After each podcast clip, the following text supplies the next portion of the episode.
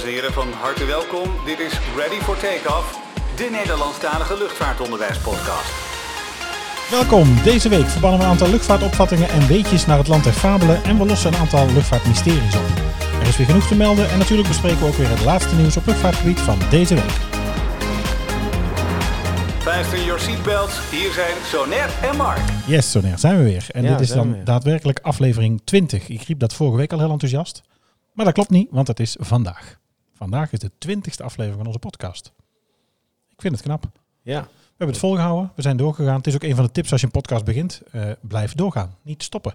Nou, dat doen we dus ook. En eh, we zijn er deze week met, eh, met een, een waar of niet waar aflevering. Vliegtuigfabelen, vliegtuigweetjes.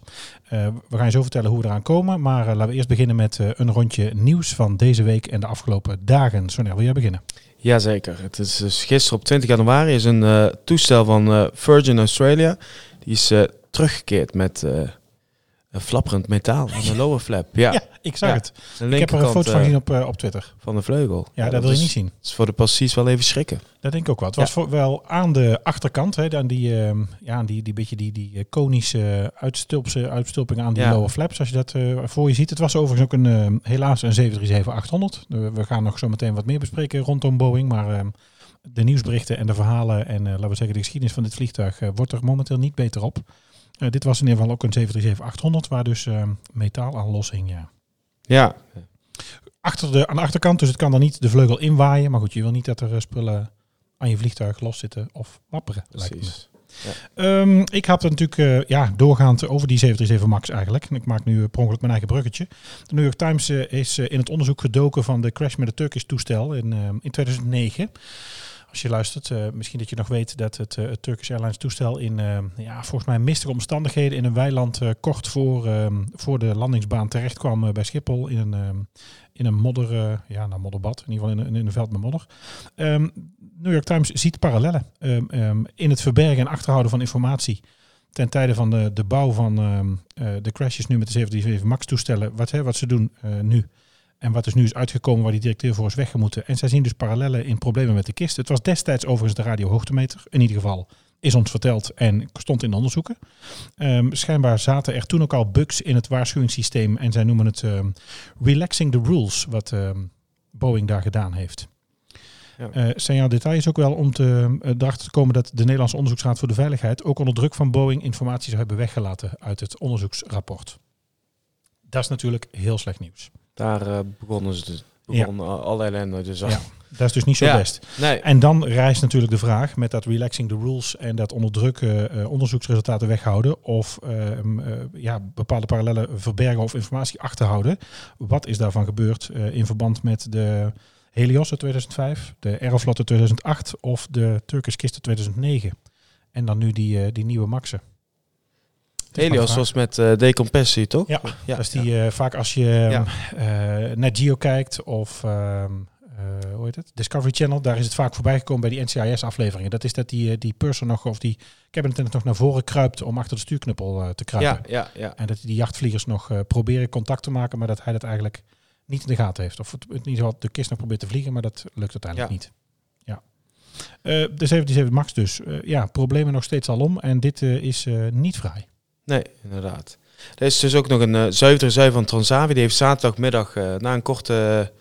eh, na de landing kort tijd op de buitenveldenbaan op Schiphol eh, gestaan en geblokkeerd. Vanwege een veiligheidspin die nog in het eh, landingsstel zat. Dat kan toch helemaal niet? Maar dan kun je toch niet taxiën?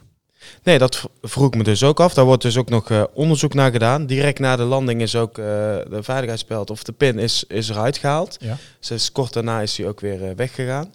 Is weer opgestegen. Want normaal gesproken, eh, een gearpin eh, zit natuurlijk eh, om te, die voorkomt Ja. dat de wielen niet kunnen inklappen. Precies, die voorkomt ook tijdens- bepaalde tij- stuurbeweging Tijdens, eigenlijk. tijdens het pushback ook bijvoorbeeld. hè, dat Slepen, ja. pushbacken. En hier zaten dus de pins nog in en daar heeft hij dus mee gevlogen. Want ik Ja. begrijp, hij is dus aangekomen uit, wat was het, Finland? Finland, Ivalo. Ivalo. En daar Ja. is hij toen geland op Schiphol. Ja, op de Buitenveldbaan. En daar heeft hij dan Ja. geblokkeerd gestaan. Ja. Oftans, daar kwamen ze erachter van, hé, hey, wij kunnen helemaal niet sturen. Denk ik. Ja, denk het ook. Maar het is vreemd hoe zij daar, dus in Finland, eh, naar de baan zijn getaxied. Ja, daar Dan moeten ze... zou je in principe niet kunnen sturen. Ja, ik ken het vliegveld van Ivalo niet. Maar misschien dat ze dan weinig hebben moeten sturen. Of dat ze... Of dat ze de, ja, of tot ze Ja, tot op de baan zijn gepusht, maar dat lijkt me sterk. dat kan amper. En je moet toch, je zult toch, er is toch nergens, nou ja, correct me if I'm wrong, maar er is toch nergens een taxibaan die in het verlengde van de, van de, van de startbaan ligt, zodat je er recht op kunt rijden. Je moet toch op enig moment kunnen sturen.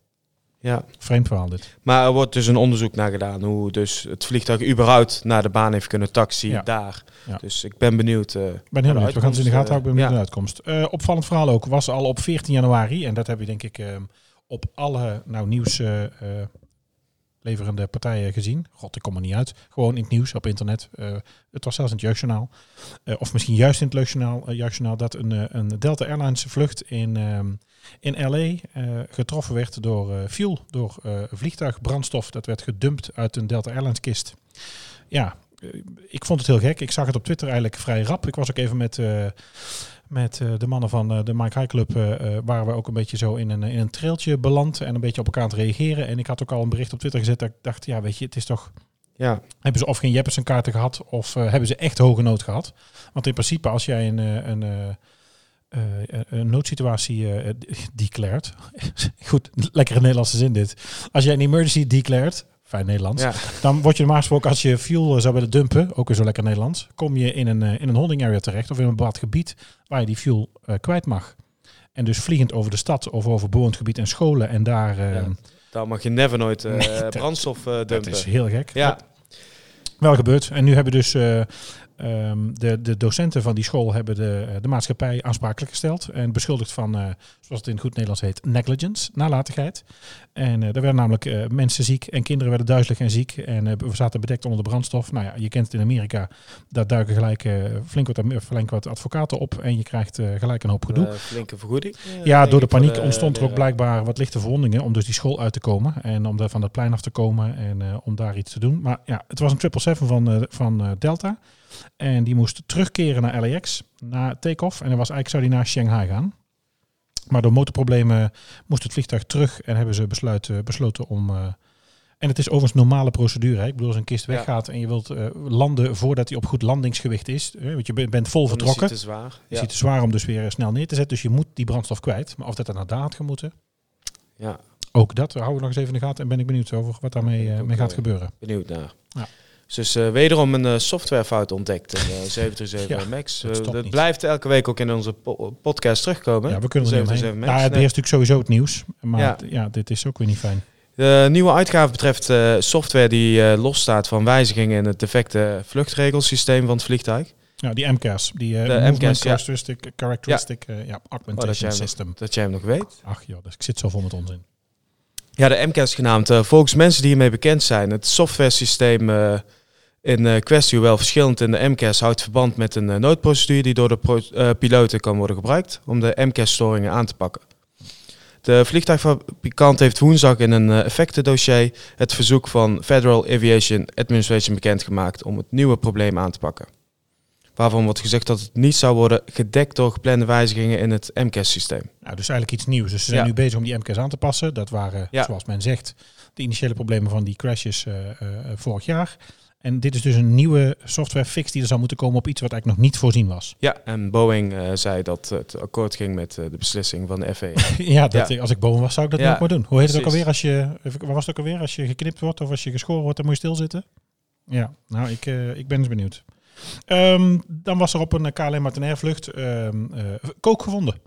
MP6912. En voor degenen die dat niet weten, eh, Martinair Cargo vliegt nog steeds. Dat wil zeggen, cargo vluchten samen met, eh, eh, met KLM of als een co-chair. En dus die, die vrachttak bestaat nog. En er was eh, 83 kilo cocaïne gevonden. Op een vlucht die van Argentinië naar Amsterdam zou moeten vliegen. Tussen de polopaarden, ik weet niet hoe het verstopt heeft gezeten. De bemanning heeft korte tijd vastgezeten.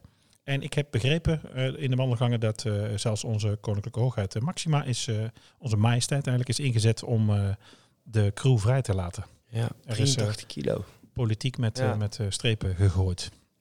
83 kilo. Eh, volgens mij, ik, heb dat, ik zat toen te kijken, dat is, wat was dat toch? Eh 7 of 17 miljoen. Ik ben het even kwijt, straatwaarde, denk ik. Dus dat is een hoop geld. Dat is een hele hoop geld. Ja. Maar goed, gepakt dus. En Ja. eh, eh, de, tenminste, de, de, de lading is gepakt en de, de bemanning is weer eh, vrijgelaten. Maar Stel je voor dat je in een land komt waar je, ja, waar je niet vrijgelaten zou worden, ondanks dat... Of geen uitlevering ja. is, of als het niet Ja, begrijpen. precies. Kijk, je moet er maar van. Het is natuurlijk ook dat je redelijk eh, westerse wereld ervan uit kunt gaan dat vliegers bij, eh, bij KLM of bij Martinair Cargo prima verdienen. Dus dat die over het algemeen niet zo snel eh, kook zullen smokkelen. Het is natuurlijk wel zo dat het heeft wel uitgewezen in de afgelopen jaren dat volgens mij met name grondpersoneel daar vaak mee gepakt wordt. Omdat zij natuurlijk een wat lager loon hebben en dan proberen bij te klussen. Ja, een piloot die al snel op een eh, 80, 90, 100.000 euro per jaar zit, ja, die gaat natuurlijk geen kook smokkelen. Voor ik geloof plezier. ook niet dat zij, eh, dat zij hierachter zitten. Nee, nou, ze zijn dus Ja. ook vrij en eh, ze zijn dus ook weer, eh, weer, weer losgelaten. Dus in dat, in dat geval is het prima Ja. afgelopen tot op heden. Eh, wat ik tegenkwam, eh, de A330-200. Wij kijken natuurlijk nu tegenwoordig met een wat meer schuin oog naar de A330. eh, want ja, nou ja, we vliegen er nog wel eens mee. En we hebben een A330 gekocht. Dat wil zeggen de inhoud om hier een mock-up te bouwen voor onze school. Dus zodra daar nieuws om is, dan komt er toch een soort vlaggetje op dat ik dat zie. En ik had daar twee dingen die me opvielen. Air Greenland, waarvan ik de naam van de maatschappij niet, eens niet wist heeft, eh, eh, gaat de hele vloot A330-200 vervangen voor A330-800. Dus zij blijven toch echt nog wel. Neo, eh, Die Neo's ja. dus echt wel nog wel het type vliegen en eh, met die grootte van vliegtuig. Maar ik had nog nooit van Air Greenland gehoord. En wat mij vooral opviel was eh, de vuurrode eh, livery van, Ja, eh, van de ja. kist. Hij is helemaal Helemaal. knalrood. Knalrood. Je zou zeggen dat het groen zou zijn. Hè? Pardon, pats. Air Greenland en dan een rode kist. Daar had ik trouwens niet eens over nagedacht. Waarom is daar rood?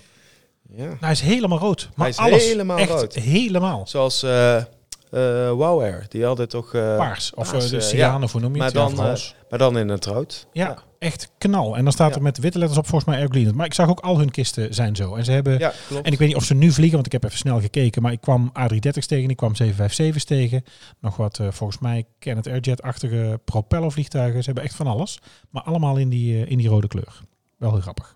Ja. En ik weet niet of jij het gezien hebt, maar ik volg dat ook altijd met bijzondere belangstelling. Overigens heb je, want daar wil ik eigenlijk naartoe, naar regeringsvliegtuigen. Heb je meer interesse in eh, regeringsvliegtuigen, dan kun je de regeringsvliegtuigdeskundige volgen op Twitter. En dat is eh, Menno, Menno Zwart van eh, de Mike High Club. En die plaatst heel veel daaromtrent. Weet er ook veel van.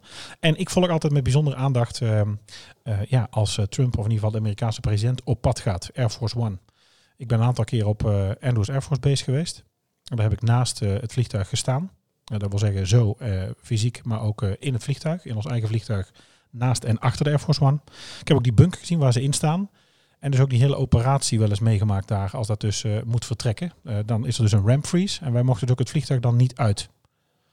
Dus zo heb ik met onze minister van Defensie en een aantal eh, andere hooggeplaatste gasten in onze Gulfstream gezeten, op het platform. Geland. Ja, Maar de Air Force One moest nog weg en dan mogen wij er niet uit. oké. Motoren uit Ik heb dat een keer op, eh, en niet uitstappen. op Schiphol meegemaakt. Er was een toestel uit Tel Aviv geland. Ja? En wij mochten toen ook niet uitstappen, omdat dat toestel toen aan het uitstappen was. Daar zijn ook weer eh, regels aan verbonden. Maar wij moesten toen wachten. Zou ook een bijzondere procedure zijn. Maar in ieder geval, als dus Trump Ja. vertrekt, het was toen nog Obama waar, ik, eh, waar wij naartoe gingen, althans die toen president was.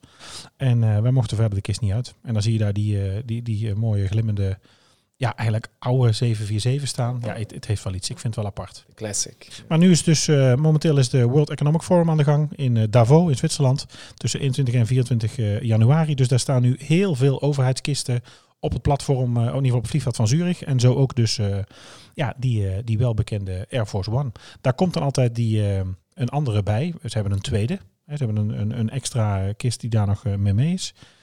Het tweede toestel. En het, het- ze hebben allebei een, ja, een SAM, een SAM vluchtnummer. Ik zal het je verder onthouden. Maar ehm, het wordt pas Air Force One zodra dus de president ook daadwerkelijk aan boord stapt. En dan zijn er vaak nog eh, vliegtuigen daar omheen mee mee. Ik zag net op Twitter eh, vandaag dat er mensen dachten dat Trump in een Air France kist zat. Maar dat is dus die, eh, het, ehm, ja, het, het, het extraction vliegtuig, het extra vliegtuig wat er mee is. en het, daar zitten wat meer ja, toeters en bellen op. En het is eigenlijk niet helemaal duidelijk wat dat allemaal precies is. Dat zeggen ze ook niet. Maar daaromheen in die hele, ja, laten we zeggen, possie die mee is, wordt dus ook de Secret Service wordt, eh, ook op de toren gezet. En eh, twee of drie dagen van tevoren, volgens mij 18 of 19 januari, waren er al Amerikaanse tankwagens op Zurich aangekomen. Om dus eh, die, ah, die, die, eigenlijk die, die eigen vliegtuigen te tanken. Dat is dus helemaal gecontroleerd. Ze hebben C-17's en eh, C-5 Galaxies om... ze hebben zelfs helikopters bij zich. Hè? Als je kijkt toen Obama hier in Amsterdam was, hebben ze alles bij zich. De Beast is mee in twee versies. Ze hebben twee eh, C-47's mee. Er zijn C-17's en C-5 Galaxies mee met ander materieel en auto's. Ze zijn helemaal self-supporting. Ze hebben eigenlijk van Ja. niemand iets nodig. Alles om die... eh, Typisch. Ja, alles om de veiligheid te garanderen. Om Ja. alles uit te sluiten. Het is gewoon uitsluiting van bepaalde risico's. Dat is natuurlijk wat ze, wat ze doen. We gaan het verder even volgen. Eh, mocht je het verder volgen, dan eh, zou ik zeker zeggen, volg de Mike High Club en kijk even bij Menno Zwart op zijn eh, Twitter feed. En eh, als wij het hebben, zullen we het ook zeker eh, retweeten. Heb jij dan ook nog een nieuwtje? Of wil je de volgende keer dat wij ook iets voor je bespreken? Dan ehm, nou, laat het ons even weten. En dat mag op, eh, op Twitter, daar zijn we at take underscore ready. Op Instagram zijn we ready for. Je mag ook ons mailen, dat is ready for takeoff at summercollege.nl. En dan hebben we een website, dat is summercollege.nl slash. En daar kun je naar de reageerpagina, daar kun je een formulier vinden. En kun je ons alles laten weten en ook of we het mogen bespreken en je naam wel of niet mogen noemen in de podcast. Ja. Tot zover de huishoudelijke mededeling. Is denk ik tijd om eh, te beginnen aan het hoofdonderwerp. Ja, maar eh, we hadden ook nog iets, een vraag op eh, Instagram staan. Ja, met de, de fabeltjes. Meneer de L. Misschien, ik hoop dat iedereen herkent inmiddels. Ja, we willen gewoon eens even wat fabeltjes of wat mythes of wat mysteries bespreken uit de luchtvaart en die ontkrachten of bevestigen. Dat is eigenlijk een beetje het doel van vandaag. Dus wat, Ja. wat hebben ze ons gestuurd zoal? Nou, en hou het netjes. Ja, ik kan niet alles eh, hier eh, Oh, benoemen. Nee, nee, nee. Waarom niet? Ik wil het dan toch weten. Ja, het gaat een beetje te ver. Of Oké. wil, jij, wil jij daar toch over hebben? Oh, of ik het erover wil hebben. Nee, laten we dat niet doen. Laten we niet in details treden. Nee, nee, nee. Sowieso niet. De luchtzak. Ja, we hebben er denk ik in aflevering 3. Nee, ik ja, aflevering 3 verder, besproken toch? is hoe vliegt een vliegtuig. Volgens mij, eh poh, dan moet ik even nadenken. Eh, turbulentie. een, eh, ja, dat wilde ik net zeggen. Turbulentie hebben we het gehad over de luchtzak. Dat, ja, laten we zeggen, de luchtzak eigenlijk op zich bestaat niet. Je hebt wel te maken met ijlere lucht, dunnere lucht, eh, wat meer weerstand in lucht. Maar een, een luchtloze ruimte, als in vacuüm of waar geen lucht zit, waardoor je zou vallen, dat bestaat eigenlijk niet. Ja. Die had Sanne ons gestuurd, denk ik. Sanne Lens. Ja, ja, ja. Sanne, bij deze. eh, de luchtzak op zich bestaat niet. Wil je meer weten over hoe vliegt een vliegtuig en over eh, ja, turbulentie en hoe dat dan dus eigenlijk, ja, nou laten we zeggen, wel werkt, dan moet je even luisteren naar aflevering 8. Aflevering 8, feit of fabel, de turbulentie kun je neerstorten. En dan hebben we er nog één van JS Aviation. Dat commerciële piloten een parachute slash schietstoel eh, hebben. Nou, ja, commerciële piloten. kort en krachtig denk ik, nee. Nee. Nee, er zitten geen schietstoelen of parachute aan boord. Dus meer in de straaljagers. Ja. Zoals Jets F-16, of ja. jachtvliegtuigen. Ja. Ja. wij kunnen niet eh, ehm, eruit springen met een, eh, heli met een, eh, met een helikopter, met een eh, parachute. We kunnen dus ook geen lastige passagiers van boord zetten. We hebben ook nog een, eh, een vraag van eh Boontje 013. Boontje 013. Veel mensen denken dat je in de A320 honden hoort blaffen. Maar het is eh, de pomp van het vliegtuig. Ja, ik, nou heb ik nog pff, de A320 voor het laatst. Even kijken. Het tripje Krakau-Budapest, denk ik. Twee jaar geleden, drie jaar geleden. Eh, verder kom ik niet zoveel naar de A320. Eh, ik denk dat hier bedoeld wordt, wat je vaak hebt, zijn die, eh, de brandstofpompen. Die zitten natuurlijk, als je vooral overwing zit, zit die natuurlijk onder je. Waar natuurlijk brandstof mee in de center tank of in de left wing of in de right wing tank Ja. worden gepompt. Wee, wee, wee. Dat, of wee, wee. Dat, dat, ja, Hoe? ja, nee, zo niet erop. Spoel maar even terug het nog wil horen. Eh, ik denk dat dat soort geluiden misschien in de verte op een blaffende hond Ja. lijkt. Maar ja, Maar er kan echt een, eh, een hond in, eh, in het dat zou eh, natuurlijk ook kunnen. luchtruim, of vra- luchtruim, vrachtruim. eh, Ja, daar kan natuurlijk een hond mee zijn. En als het redelijk stil is boven, het Dan- vloertje is natuurlijk niet zo dik, dan zou je volgens mij die hond best kunnen horen. Ja, in de lucht weet ik het niet, maar op de grond kun je het zeker Ja, horen. ik denk dat je in de lucht dat je te veel eh, motor en te veel windgeruis hebt. Ja, dus Dat noemen ze ook wel een AVI. Dat is een animal in a hold. En dan in de grond. Ja. Dus, dat kun je, dus daar zou echt een hond hebben kunnen gezeten. Ja, En is het niet, geen hond, dan is het een, gewoon een motorisch of een hydraulisch geluid. precies. Schat ik zo in. Ja, en wil het eigenlijk eh, hierbij laten, want anders... De rest eh, kan niet. nee. Oké. Nee? Nee, oké. Ja, of tenzij jij... eh, Nee, ik heb niks erover te nee, zeggen. Iedereen zit nu naar zijn box te gillen. Ik wil het weten! Nee, nou, mail even als je het wil weten. Ja. Dan kunnen we het daar persoonlijk eventjes Precies. off-topic over hebben. Ehm, En, die, en eh, Donnie en de Jets... eh, ja, wat had of, ja, jullie kunnen anders Donnie en de Jets wel vragen. Donnie zelf vragen wat hij wilde ja. weten. Nee, ik heb met Donnie wel geantwoord. Overigens, Donnie heel erg leuk Instagram kanaaltje wil volgen. Donnie is, is CA bij, bij KLM en post Cabin attendant. Oh, ik mag geen afkortingen noemen weer. De afko van afkorting is afko. Eh, die is eh steward, haha, Ehm, eh, flight attendant bij de KLM en heeft een eigen Instagram-account en post daar enorm veel. Heel leuk. En je maakt heel veel met hem mee, van melden tot het busje, tot vakanties, tot in het hotel. Hij was volgens mij gisteren of eergisteren in Tel Aviv. En hij is ook van de gifjes hè, op Instagram. ja, heel leuk. Als je een KLM-gifje wil, dan, dan krijg je Donnie. Echt heel leuk. Ja. Johnny, eh, shout-out naar jou en eh, in ieder geval de groeten. Laten we nog eens afspreken. Ja. Komt goed. Zeker. Ehm, onze Insta-posts hebben eigenlijk geleid tot deze mysteries en fabeltjes. We zijn ehm, september natuurlijk begonnen. Vandaag aflevering 20. Ehm, we zijn eh, juli, augustus ben ik al zo'n beetje begonnen met wat Instagram-posts. Om alvast het kanaal een beetje onder aandacht te brengen. En toen hebben we ook al een aantal van die fabeltjes of wat, wat berichten heb ik daar al eh, erbij gepakt. En een eerste is bijvoorbeeld het gaatje in je raam. Ja. Wil jij die doen? Wil jij die ontkrachten of bevestigen? Of in ieder geval even uitleggen wat dat dan precies is? Mocht je overigens willen zien, eh, wil je daar beeld bij hebben? Kijk even op ons, eh, op ons Insta-kanaal. En kijk even naar de, nou, ik denk de eerste acht of tien posts. Daar kun je een aantal van deze mysteries vinden die we nu eh, bespreken. Ja, je hebt vast wel een keer aan de raamkant gezeten Ja, in zeker. vliegtuig. Heb je misschien dat gaatje wel eens gezien? hè? Heel klein. Als je, als je is opgevallen. Ja. Aan de onderkant van de vliegtuigraam zit dus altijd een klein gaatje. Maar waar dient het eigenlijk voor? Ja, ik dacht dat het om een soort, om het, om het condens vrij te houden, Ja, op zijn minst. ja. de kleine opening wordt ook wel eh, het ventilage... Vent, ventilage. Oh, milage, daar gaan we weer. We gaan over vorige week heen. Ventilage. Ve- ventilatiegat. Even, een- even een sidestep. Ik zat vanmorgen in de auto hier naartoe, zat ik eh, de eh Telekids podcast te luisteren. Heb je die al gehoord? Nee, Jij bent natuurlijk net iets jonger dan ik, maar ik ben dus van de Telekids Iets. generatie. iets. Oh, iets. ik word dit jaar 40. 12 jaar jonger. Eh, Had je zoon kunnen zijn. nou, dat lijkt me wat overdreven. Verschrikkelijk zeg. Eh, ik ben heel van mijn, van mijn apropoise. Eh, nou, ik toch apropoise zeg. eh, de Telekids generatie. En daar komt dus een, hele, een heel eigen woordgebruik in aan bod. Ja, weet je, in de tijd dat ik natuurlijk kind was, zaten wij zaterdagmorgen om 8 uur op de bank en eh, tot 12 uur Telekids te kijken. En daar is ook een hele eigen taal in ontstaan. Dus ik moet, nou jij milage zegt, en wat zei je nou net? Ventilage. eh, is dus inderdaad, ik ben een beetje van mijn apropoise. Of je ruikt uit je snaveltje, of je ruikt uit je giecheltje, of een pittig setje. Ja, dat is echt geweldig. Maar luister dat, de Telekids podcast. Het gaat over Telekids. Ook Irene Moors en Carlo Bossart komen er langs en vertellen waarom bepaalde dingen zo zijn gelopen. En waarom ze een aantal dingen zo deden. Maar als jij woorden gaat bedenken, dan moet ik daar aan denken. Ja, Sorry. nee, geen Ga probleem. verder. Jij mag me onderbreken. dus de kleine opening wordt dus ook wel het eh, ventilatiegat genoemd. Dat heeft een belangrijke functie. Het gaatje, zit, het gaatje zit in het raam tussen de binnenste en buitenste ruit. En zorgt ervoor dat er niet te veel druk wordt uitgevoerd op de ramen. Op de grote hoogte is de atmosferische druk te laag. Daarom wordt de luchtdruk in de cabine verhoogd. Het ventilatiegat zorgt ervoor dat de buitenste ruit deze druk aan kan. Het ventilatiegat zorgt er ten tweede voor dat zie het vocht eh, het eerste en tweede raam vrij kan komen. Ja. Hierdoor beslaan de ruiten in het vliegtuig niet. Heel fijn dus. Ja, zie je, dat, dat Ja. is dus. Ik dacht dat het dus ook voor buiten kijken was om die, om die condens op te lossen. Maar het is dus echt om een drukverschil op te vangen. Ja. En om bepaalde eh, ja, nou, druk in ieder spanning daar weg te halen. Ja, precies. Ah, oké. Nou, Ja. gaatje in het raam. Eh, Raamluikje, daar ga ik daar gelijk op door. Het raamluikje moet altijd open bij start en landing. Waarom is dat toch? Nou, voor de veiligheid moet je buiten kunnen kijken. Eh, mocht er iets zijn tijdens start of landing dat je of ja, goed, dat het vliegtuig crasht of van de baan afschiet of dat er buiten brand is of iets aan de hand is, is het wel zo handig dat je ook zelf buiten kunt kijken. Dus vandaar dat raamluikje open moet. Bij ons in de KDC-10 bij de Koninklijke Luchtmacht eh, destijds toen ik naar vloog, moest het ook open, omdat we daar ehm, oplaadbare eh, floor proximity escape path marking hadden.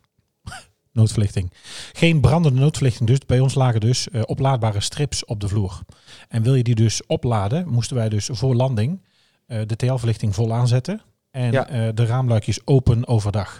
Ja. Geval ook bij take-off. Dat doen wij nog steeds op de 73. Ja. De 737. Zitten daar ook dan, die, die oplaadbare ja. strips? Ja. Nog steeds. Echt een Boeing McDonnell. Douglas ding dan. Dus soms als we dan, eh, als het de eerste vlucht is van de dag, dan staan alle bagagebakken nog open. Ja, Dus daarmee blokkeer je eigenlijk ook de, de TL-verlichting. ja. Dus dan moeten we eerst even alle bagagebakken dicht doen, Mhm. zodat we de vloerverlichting kunnen opladen. ja. Als de passagiers eh, dan aan boord komen, dan gaan ze weer open. Open de bagagebakken. Ja. Dan zijn ze opgeladen. En die, we hebben dat volgens mij vorige week al besproken. Als je nu kijkt in de 787, heb je natuurlijk van die fantastische ramen waar je op een knopje duwt en dat die dan dus eh, vervaagt. Hè, de, een soort zonnebril kunt Die opzetten. wordt gedimd, ja. Maar die gaat dus dan in geval van take-off landing of in geval van nood automatisch eraf. Hè? Eh, automatisch weet ik niet, maar ik weet wel dat zij eh, dat, eh, in en uit kunnen schakelen. De, Ja. de, de De purser kan ja. dus voor op een display kan zeggen Ja. alle raamluikjes gewoon, of alle ja, zonwering, al die eraf. Ja. Oké. En ook op een nachtvlucht, hè, als je dan, heb, je- natuurlijk met tijdverschil te maken. Mhm. Als precies aan het slapen zijn en je vliegt richting Europa. Poem, open. Ja. Wakker. Of juist dichtgooien dat Ja. ze door blijven slapen. Kachel naar beneden, airconditioning aan, blauw licht aan en de ramen open. Nou, Ja. dan we- wedden dat je wakker wordt. Zeker. Nou, eh, dan hebben we ook nog steeds asbakjes aan boord. Ja, Daar kun je dat daar is- wat meer over vertellen, man? Ja, asbakje. Dat is echt, het is al zo'n twintig jaar dat je eigenlijk niet meer mag roken aan boord. Ik heb het overigens zelf niet meegemaakt. Ik heb wel foto's gezien bij KLM bij Martinair dat de mensen echt zwaar eh, paffend eh, in het vliegtuig zitten. Eh, nou heb je dus nog steeds, en vooral bij Amerikaanse maatschappijen of Amerikaanse vliegtuigbouwers, dat hebben we eigenlijk wel geconstateerd, dus bij Boeing, zit er toch nog een asbak in de wc of in, in je stoelleuning. Ja. Heel En- toevallig Ja? gisteren gevlogen op de Ja. 78710. Nou, dus dus een kist die Ja. je een maand houdt. Ja, niet eens misschien. Wel, En daar zit de het ook in. laatste.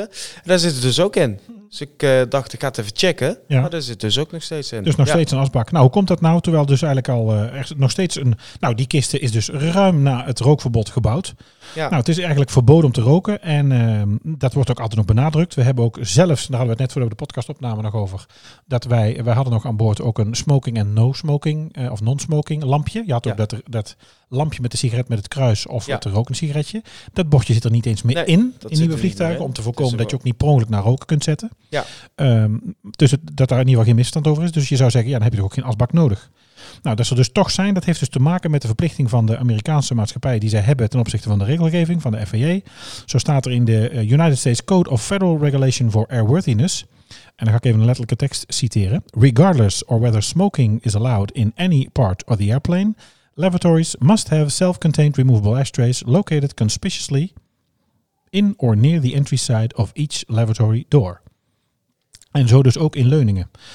De reden is dus voor die regelgeving eigenlijk dat ondanks het rookverbod er natuurlijk toch mensen zijn die vaak nog stiekem een sigaret willen roken. En dat of op hun plaat proberen of in het toilet. En als je dat dan stiekem doet, dan willen ze in ieder geval voorkomen dat je dat niet in de vuilnisbak gooit met het papier. En dat is dus de reden dat er dus toch nog op het, op het toilet aan de binnen- en aan de buitenkant vaak, want als je daar stond te wachten, werd er vroeger ook gerookt, zit er dus nog een asbakje.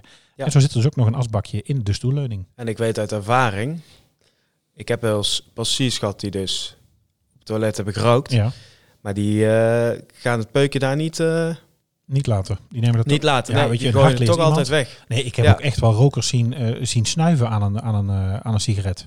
Gewoon een sigaret uit een pakje halen en gewoon zo onder de neus doorhalen om een klein beetje de geur even... Nou ja, weet je, als je verslaafd bent, ja, weet je, ik kan daar niks over zeggen. Tenminste niet qua roken en, eh, en drinken in ieder geval. Ja. Maar Heb jij nog de tijd eh, meegemaakt eh, dat er gerookt werd aan boord? nee, nee, ook, nee, wat ik al zei, ik heb dat dus niet gehad. Ik heb het zelf niet, niet fysiek meegemaakt. Ik weet wel dat in een auto vind ik het wel ontzettend smerig. Ja, En ik heb wel vrienden bekenden gehad, of ook in de schooltijd toen we net een auto hadden, dan met iemand meerijden. En, eh, maar die rookte dan, ja, dan zit je te gast in iemands anders auto. die asbak vol met oh eh, peuken. man, ja, ik, het is echt heel smerig. Ja, en je weet eh, hoe, hoe ik ben met mijn auto. Ik had, ja, nee, dat, dat komt niet voor.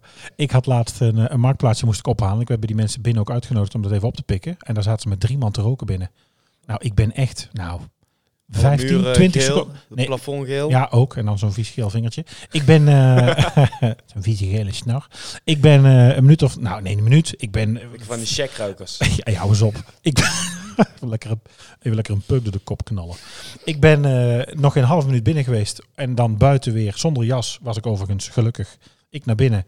Nou, ik denk echt 20, 15 seconden binnen iets opgehaald. En toen terug weer naar buiten. En ik stap in de auto. Nou, ik ruik mezelf. En mijn vrouw zegt, oh, je stinkt. Ja, het is echt heel vies. Sorry rokers, Oh, maar ik vind het echt heel smerig. In ieder geval, eh, asbakjes zijn er dus nog om eh, te voorkomen dat als je dan toch niet luistert, dat je in ieder geval dan niet een brand veroorzaakt. Ja, Want vergis je niet, in de vuilnisbak van het toilet met eh, 2% luchtvochtigheid in de kist, daar liggen vaak die papieren handdoekjes. Nou, als je daar een peuk bij gooit, echt, dat brandt als de hel. ja. En dat wil je niet hebben. En het toilet eh, van buiten openen. Dat kan. Als hij op slot is, dat kan Dat kan. altijd. Voor degenen die het niet weten, de eerste volgende keer als je vliegt, eh, ga maar eens naar een eh, toilet toe en ga daar maar eens kijken. En wat zien we dan zo naar? Wat zien we? Weet je het? Wat kun je dan zien? Hoe weet je hoe je over kan? Hoe moet je hem openmaken? Ja, je hebt dus de, de, het Ja. bordje. Ja. Dat kun je dus met je vingers... Eigenlijk moeten wij die tips helemaal niet geven hier in de podcast. maar Ja, waar- waarom niet? Er luisteren ook luchtvaartmensen. Misschien zijn er dus, passagiers eh, die gaan het volgende keer dat proberen. bordje kun je dus eh, omhoog doen en dan zit dus een schuifje in. eh, Ja. Dus daarmee kun je hem van het slot afhalen. Ja, of als je een, ehm, laten we zeggen, een, een, een verdiept stukje in de deur hebt en daar zit een rood of groen eh, occupied of free bordje, dan zie je daar vaak een heel klein pinnetje en daar kun je, die, dat pinnetje kun je ook opzij schuiven. Want het is in geval van noodsituatie, mocht iemand flauw gevallen Ja, zijn of wat dan ook, reden. dat wij dan eh, het toilet eh, Ja. open kunnen maken. Overigens heb ik wel eens begrepen, maar dit is echt eh, lang geleden heersee, ik weet niet meer precies waar. Ehm, in geval van nood moeten we die toilet open kunnen maken, heel logisch. Maar val je nu, en dat is natuurlijk bij heel veel van die deuren, tegen de deur flauw bijvoorbeeld, of gaat het niet goed met jou, kom je tegen de deur te zitten. Ja, om dan binnen te komen, dat is heel lastig. Ja. Er zijn volgens mij gevallen geweest dat er mensen op het toilet overleden zijn en dat ze een groot deel van de cabineinrichting hebben moeten weghalen om bij die meneer of mevrouw te kunnen komen. Zo. Om die toiletten eigenlijk open te breken. En er zijn dus ook nog eh, slaappa- eh, slaapplaatsen voor de bemanning. Ja, De enkele weken ja. geleden ook uh, vroeg Roel ons al op Instagram of we het eens willen hebben over de ruimte waar passagiers niet kunnen komen. Nou Roel, let even op, dit is er met name één en uh, Sonja komt daar nog wel eens. Ja, het is de overhead crew rest, noemen wij het ook wel. De OCR. Ja, dus we kunnen met het trappetje omhoog en hebben we daar een aantal bedden. Het zijn er meestal zes. En waar ga je naar eh, boven? Zit er, is, is dat in de galley waar een, uh, een deurtje Ja zit? het, is een, ja, het is afhankelijk van het toestel. Het kan ook in het midden van, uh, van het vliegtuig zijn. Dus ook weer bij de toilet eigenlijk. Ja.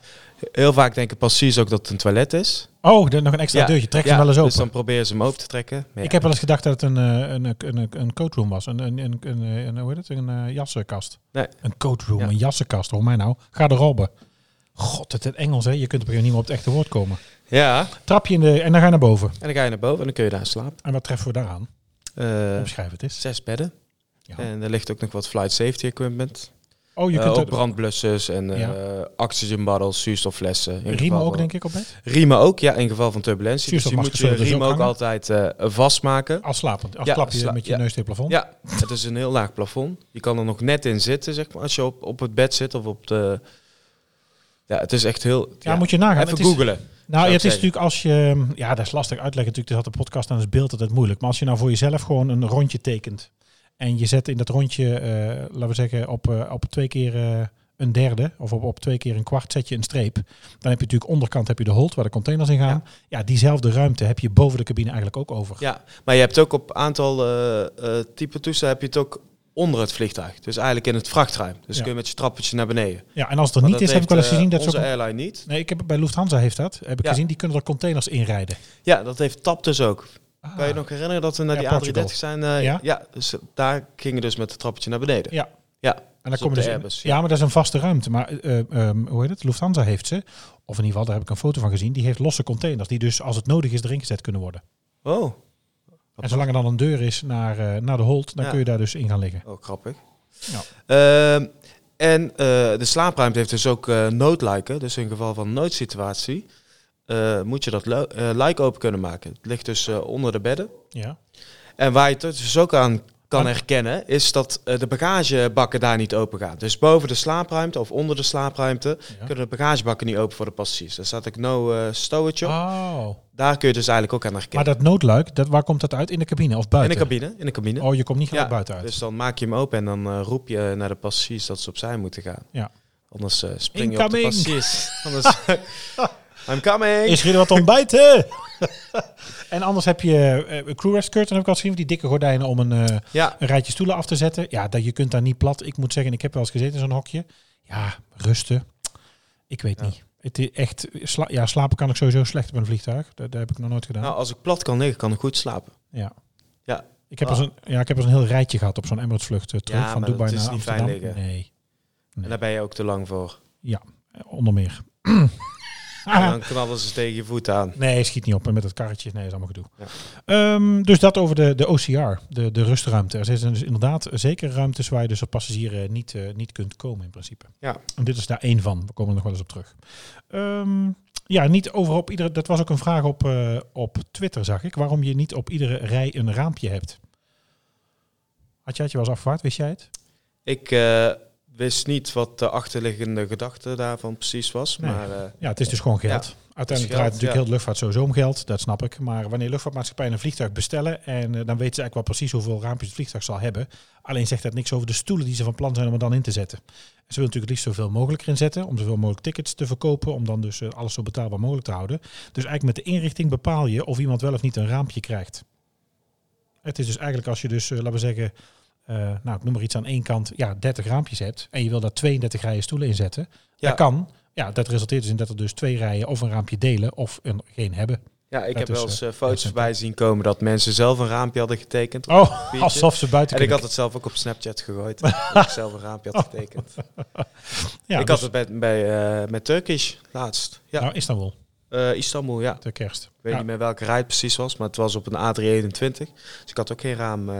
Ja, het is meestal ook in de buurt, heb ik het idee. Qua in, ja, goed, oké. Het is natuurlijk qua indeling dat scheelt, maar het is heel vaak in de buurt van een wc of bij een bulkhead of bij een galley, waar natuurlijk een, eh, een, een stuk van de cabine ophoudt. Ja. En waar dan toch nog wel stoelen staan. Vandaar dus dat er soms geen raampje zit. ja. En dan hebben we nog iets. Ja, die verlichting. Ja, waarom moet dus eh, de verlichting altijd uit tijdens eh, start en de landing? Ja, sluit eigenlijk aan bij het raamluikje een beetje. hè? Ja. Maar daar zit, daar zit dus ook weer iets achter. Hè? Vertel. Want onze ogen moeten altijd wennen aan het donker. Dus ook Mhm. als je in je kamer bent en je doet de verlichting uit, dan ben je even de eerste paar minuten, of eerste paar minuten, ik denk twee nou, ja, minuten. nou, volgens mij 20 tot 30 minuten ben je volledig gewend. Of duurt dat zo lang? in? Ja, 20 ja ik 30 weet wel, als, ik, als de vliegers eh, bijvoorbeeld in een, in een nachtlanding zitten eh, en ik deed de deur open en ik had vol de verlichting aan in de cabine, daar, daar waren ze niet heel blij mee. Ja, Of ik deed dan in de gang het, eh, het, het spotje aan. Nee, daar maak je ze niet blij mee. ja. Dat duurt weer even voordat je alles weer buiten kunt zien. ja, dus je ogen moeten even wennen aan het eh, donker. Dat eh, merken we zelf ook als we dus thuis even de verlichting uitzetten. Ja. Dat geldt dus ook voor aan boord. Maar in geval van noodsituaties dat je gewoon naar buiten kan kijken. Of in de cabine kan kijken in ieder geval als je moet evacueren of Ja. wat dan ook. Ja. Heb jij daar nog een aanvulling op? Nee, want dat, nee, nee, het is Maar dus... 10 tot 30 minuten kan Ja, het dus toch? Ja, 10 Ja. tot 30 minuten. Ja, voordat je volledig Ja. aangepast bent. Dus als je dat op, ineens opheft door, het lamp, door de lamp aan te doen, dan heb je gewoon, ja, da- daarna zie je dus gewoon minder. Het is dus echt gewoon om naar het licht te kunnen, toe te kunnen lopen, want dat is ook een voordeel. Hè? Eh, je kunt dus buiten dan wat zien, maar buiten op het vliegveld is vaak alles verlicht. Ja. Daar staan grote, grote lampen, dus dan kun je dus van het donker naar het licht toe lopen. Dus dan loop je ook eigenlijk naar een eh, gebied waar ze je kunnen helpen. Hè, dat is ook eigenlijk een beetje kort door de bocht wat het is. Ehm, nou, dan de fabelen eigenlijk. Of de, de, ja, fabelen, hoe noem je het? Ideeën, opvattingen. Je kunt op één motor de oceaan over. Is dat zo? Nou, je kunt dus op één motor de oceaan over. Dat kan. Dat hangt een beetje van het vliegtuig af. Vliegtuigen zijn uitgerust met, nou ja, vaak twee motoren minimaal. Hè. Dat wil zeggen waar wij commercieel mee, eh, op vakantie vliegen of op zakenreizen gaan. Maar een vliegtuig kan prima vliegen met slechts één motor. Eén, mo- één motor. Één motor. Het is wel minder zuinig eh, en qua brandstof. Ja. En eh, één motor kan dus, eh, je kunt dus minder ver vliegen. En voor vliegtuigen die de oceaan af moeten steken, wordt dus berekend hoeveel zij kunnen vliegen met één zo'n motor. En zo kan de Dreamliner bijvoorbeeld kan, nou, bijna 5,5 uur vliegen met één, eh, met één motor. Ja, dan is de Dreamliner nog zuinig, hè? Ja, dus eh, het kan dus wel. Het vergt wel veel trimming van het vliegtuig. Ja. Eh, als je ook vrij kijkt, luister maar eens aflevering 3 van onze podcast. Als je dus op één motor moet gaan vliegen, dan moet je wel iets met het vliegtuig doen. Ja. Wil je voorkomen dat je niet helemaal scheef en... eh, Continu Gek in bijsturen, et cetera. Ja. maar het kan dus wel. En ik stond er echt van te kijken. Een Dreamliner kan dus 5,5 uur vliegen en het vliegtuig nog veilig neerzetten op slechts één motor. Ja. Dus ook weer voor de bange mensen onder ons. Dit moet toch weer, naast dat je weet hoe het werkt, moet dit ook weer vertrouwen geven. Ben je bekend met de e-tops? Extended Operations.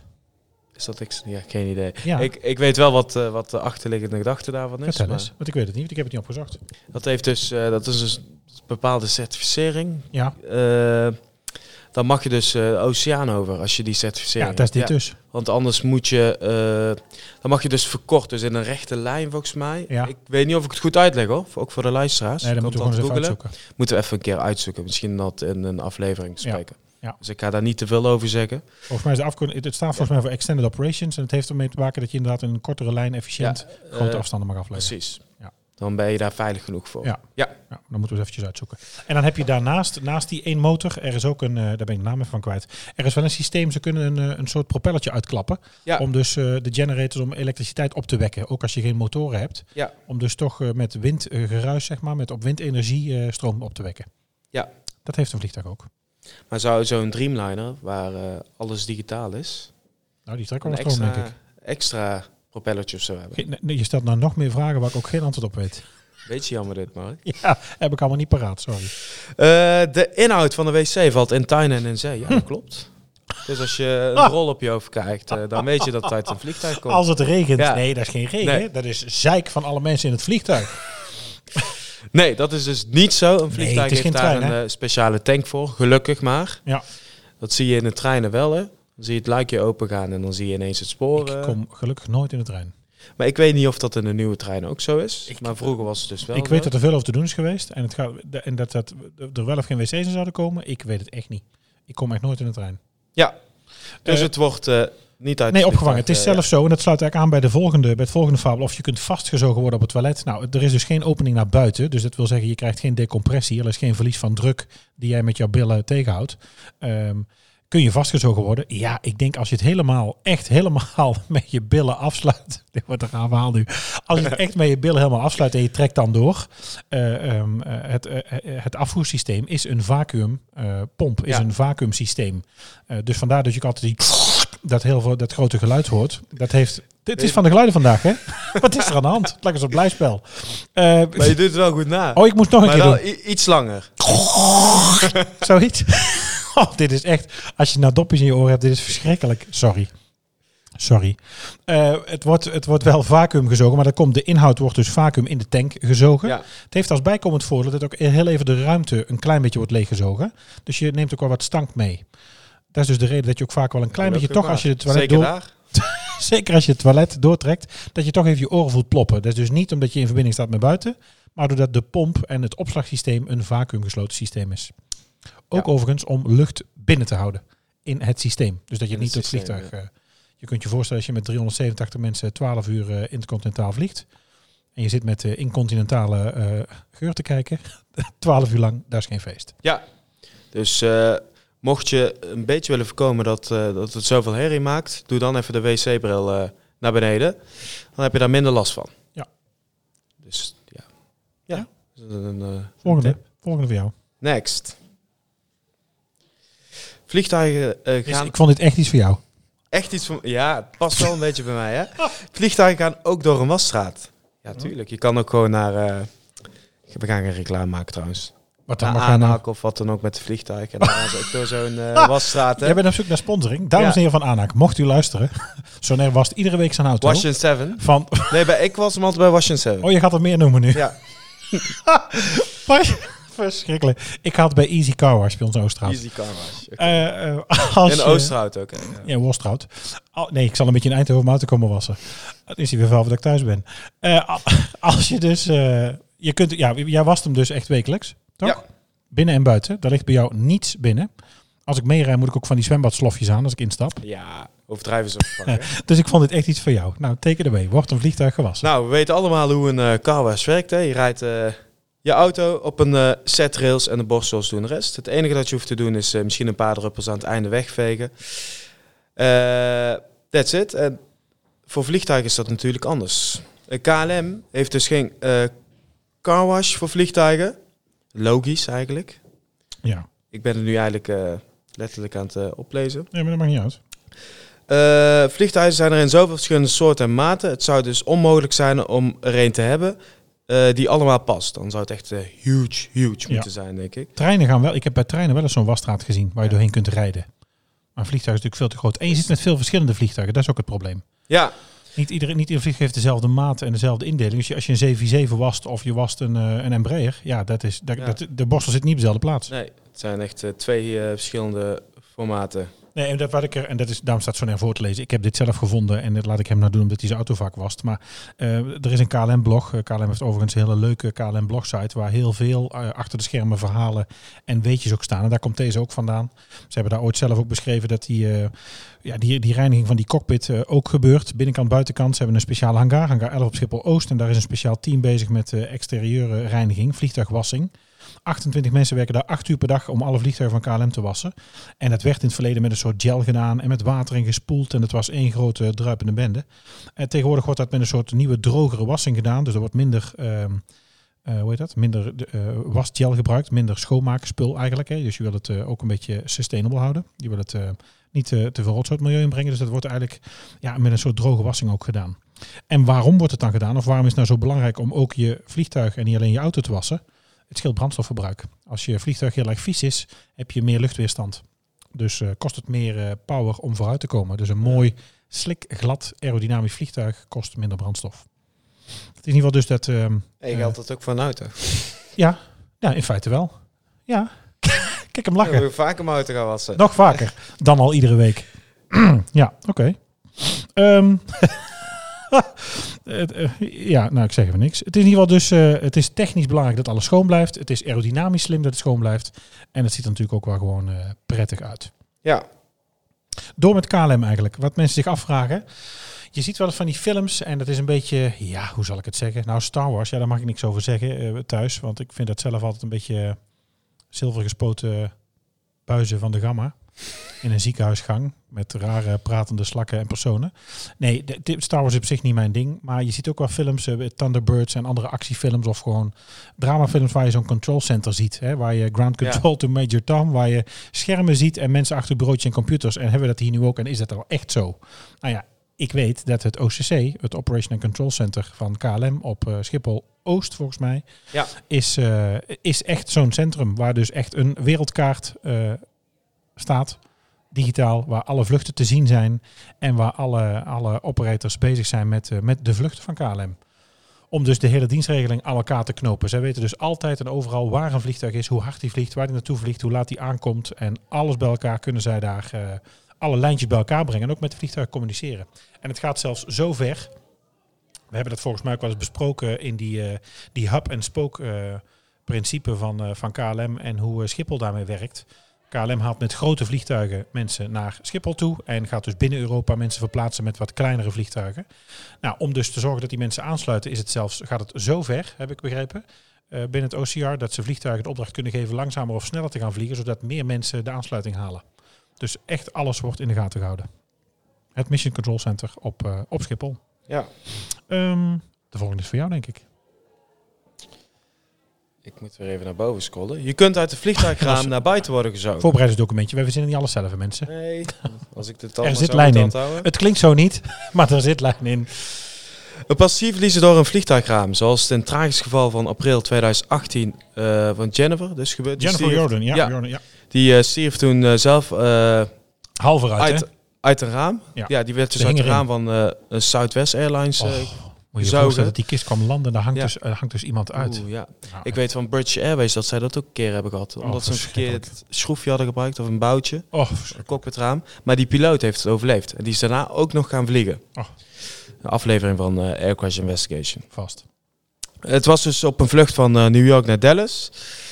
Eh, wanneer iets vergelijk, er was dus ook iets vergelijkbaars gebeurd, dat heb ik dus al verteld. Oh, is dat die die halverwege die uitgezogen cockpit vindt, het cockpitraam onderweg naar China in Oh, dat is- 2018? ja, ja, In ja. 2018 is het dus nog een keer gebeurd. Ja, ja, ja, ja, die gebeurde dus halverwege uit, eh, uitgezogen omdat het cockpitraam eh, scheurde of dat brak. Ja. Ja. Even kijken. Jennifer die is dus uiteindelijk gestorven aan haar verwondingen. Ehm, even Ja, maar niet aan het buitenhangen. Er kwam dus blijkbaar een motorventilatorblad los en dat heeft haar eh, geraakt. Dus er was meer aan de hand met het vliegtuig. Dat is dus niet alleen dat zij toevallig werd buiten gezogen, volgens mij. En Ja. die, dat cockpitraam in 2018 van die Airbus in China, daar is volgens mij nog geen, kon ik niks geen uitslag over vinden eigenlijk. Nee. En op kruishoogte is de druk buiten eh, een vliegtuig ongeveer 2,5 keer lager dan in de cabine. Dus een gebroken raam of een groot gat in de romp kan eh, fataal zijn. Waardoor een explosie van de lucht eh, wordt veroorzaakt die de stoelen uitzaagt evenals eh, mensen. Ja, een explosive Ja. decompression. Ja. je, hebt het volgens mij gezien ook bij die tat, Hawaiian, nee, eh Aloha. Aloha. Air, Hawaiian oh, ja, Airlines. Aloha, ja. Die, die op een gegeven moment met een cabrio vlogen. Daar zie je ook in die, in die remake, zie je die stewardess ook met dak en al Het was een vertrekken. 737-200 volgens mij. weer een 737. Ja. Als je dus niet vast zit. Ah, het is dus wel, kijk, kun je uit een vliegtuigraam gezogen worden. Ik denk wel dat de James Bond films zijn waar een vliegtuigraam open staat. En waar je dan mensen dus buiten gezogen ziet worden of daar lange tijd in vastzitten. En het- je kunt dus feitelijk wel buiten gezogen worden. Maar door de explosive decompression, door de, eigenlijk de klap, ehm, het enorme drukverschil wordt eigenlijk in één keer in één klap opgeheven. Dus er komt een punt dat de druk gelijk is aan buiten. En dan word je natuurlijk niet meer weggezogen. Kijk, dat je dan door windgeruis eruit wordt gerukt of wegwaait. Dat kan, maar je kunt natuurlijk niet gedurende de hele vlucht naar buiten gezogen worden. Nee. Dat is niet aan de hand. Ja, dat is dus ook op. eh, volgens mij was het een 747, maar het staat hier niet bij. Eh, het is dus ook op een vlucht van LA naar Sydney gebeurd in 1989, toen Mhm. een vrachtdeur eh, faalde. Eh, een groot gat in de zijkant van de romp scheurde en explosieve decompressie veroorzaakte. Ja, het is, dus, het is dus sinds de jaren 40 of 50, ja, jaren 50, dat we dus die dubbele ramen hebben. En dus eigenlijk, waar we net over hadden, dat kleine gaatje. Ja. Dus we zijn dus, ja, nou goed, we zijn begonnen met vliegen. Het wordt steeds veiliger. Door ongelukken zijn er dus eh, dubbele ramen ingekomen. En door dubbele ramen is er dat kleine gaatje ingekomen om die druk op te heffen en om, ze, om de condenser eraf te halen.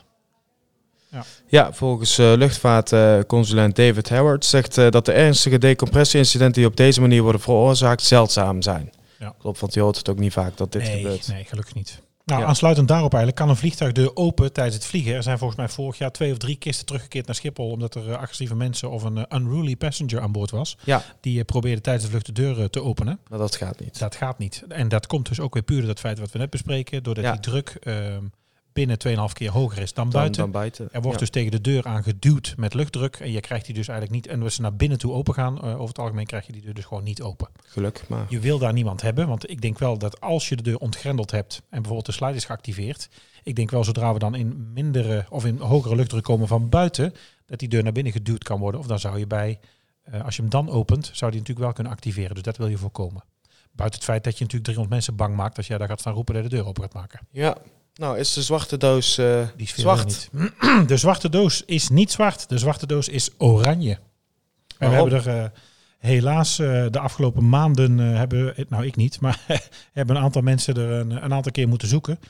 Alle vliegtuigen hebben dus inderdaad zogenaamd die zwarte doos. Dat heeft iedereen vast wel eens eh, gehoord. En na een crash zoeken eigenlijk alle autoriteiten naar die zwarte doos, omdat die gegevens bevat.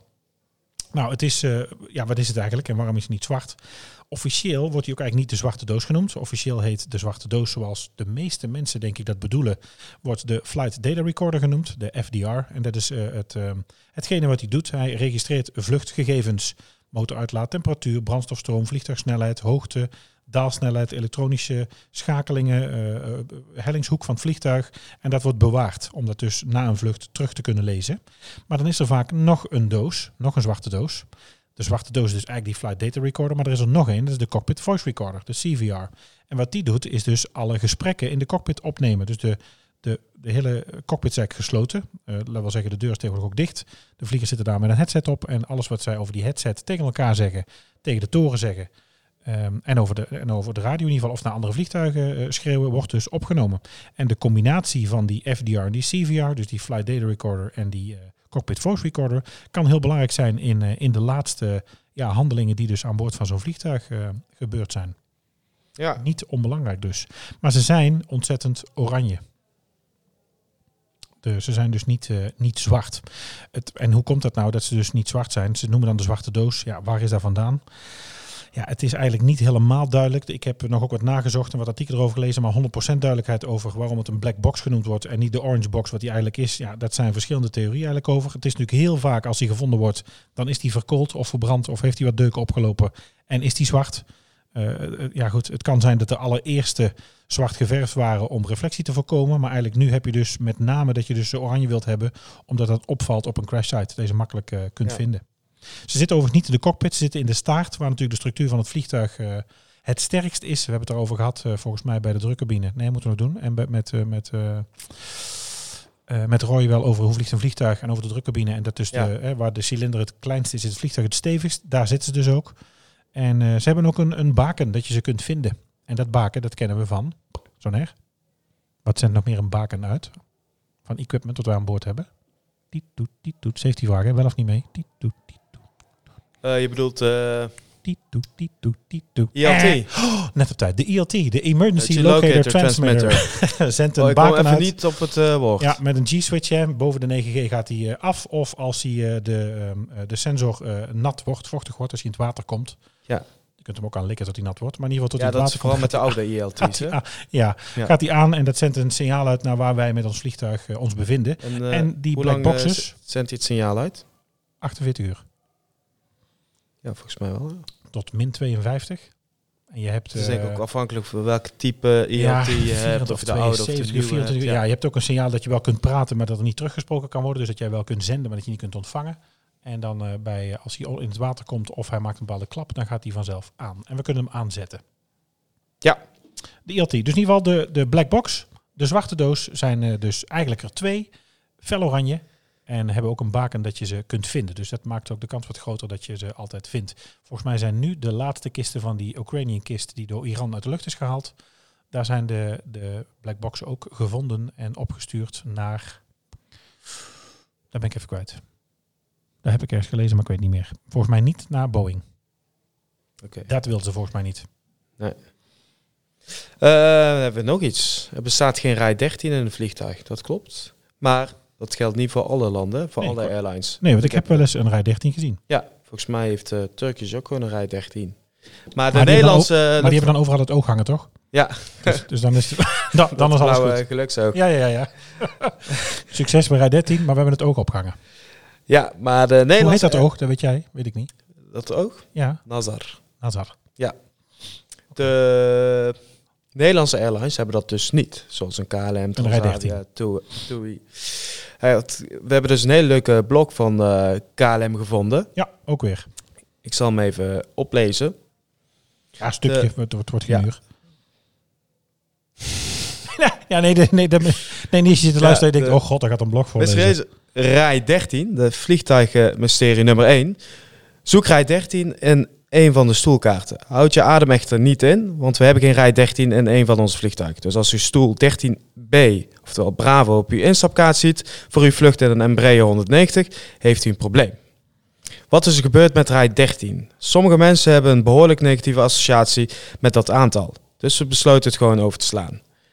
Zwarte katten zijn wel toegestaan aan boord, dus maak je geen zorgen. Ja, onder een ladder doorvliegen, dat gaat Ja. ook niet. Nee, er zit dus geen rij 13 in het vliegtuig. En dan maak je, en nou goed, dan komen we dus ook meteen op. eh, dit sluit eigenlijk ook weer heel mooi aan bij het feit dat je dus eh, niet altijd op iedere rij een raampje hebt. Ja, Want je slaat dus een rij over. Je gaat meteen van 12 naar 14. Je sluit stoelen aan. Daar gaat zoveel mogelijk in. En dan kan het dus zijn dat je ook een raampje mist. Nou ja, als je dus op rij 13 zit, op vrijdag de 13e, nou, dan zou ik je vlucht even eh, omboeken. Ja, dat is toch bijgeloof. Houd toch op. Ik zou het wel gedaan hebben. Ja, maar dan Nee, praat je zelf te gaan. Dat is toch gekkigheid. Ja, met alle respect. Eh, Ja. Als je het niet wil, moet je het doen. Maar goed, ik, ja, ik heb op zich bij rij 13 of 13 is voor mij. Ja, ik ben op 13, de 13e van de maand jarig. Dus ik ben al heel vaak op vrijdag de 13e jaar geweest. Volgens mij dit jaar ook weer. Ik word dus 40 op vrijdag de 13e. Oh, dan kom ik niet naar je verjaardag. Nou, no dit. Eén één taart minder. Eh, nou, Geen taart zelfs. ja, nee, ik ga vanuit jou veel lust. Eh, dan zijn we er doorheen, denk ik. Ja. Dan hebben we volgens mij eh, de leukste, eh, nou in ieder geval ingestuurde en, eh, en voor ons opvallendste weetjes, fabeltjes en mysteries hebben denk ik opgelost. Heb jij nou toch nog iets wat je ons zou willen laten weten? Of wat je kwijt wil of eh, wil recht wil zetten? Dan kun je dat ons natuurlijk gewoon weer laten weten, zoals ik er straks ook al zei. Maar ik, nou goed, ik doe ook altijd nog even aan het eind even onze socials. In ieder geval voor nu, bedankt voor het luisteren. Volgende keer, wat doen we volgende keer zo erg? Oeh, dat is een goeie. Nog even over nadenken. Ja. Als je nou luistert, je hebt een idee, laat even weten. Dan kunnen we die aflevering misschien maken. Wil je iets anders laten weten en hebben wij een fout gemaakt of wil je iets rechtzetten of je een ander nieuwtje of eh, opmerking kwijt? Dat mag. En dan kun je ons, eh, wat zeg je nou? Milage. Het milage van vorige week. dan kun je dat eh, aan ons kwijt. Je mag naar de site readyfortakeoff.summercollege.nl. Eh op Twitter zijn we take underscore ready. En je mag naar de site, daar hebben we een reageerpagina. Apple Podcast Review vinden we ook fijn. Twitter vinden we leuk. Instagram vinden we leuk. En vooral reacties. En zo net dan zeg ik tot volgende week. Tot volgende week. Dit was Ready for Takeoff. Denk aan je persoonlijke bezittingen, volg ons op onze socials, vergeet je niet te abonneren en tot de volgende keer.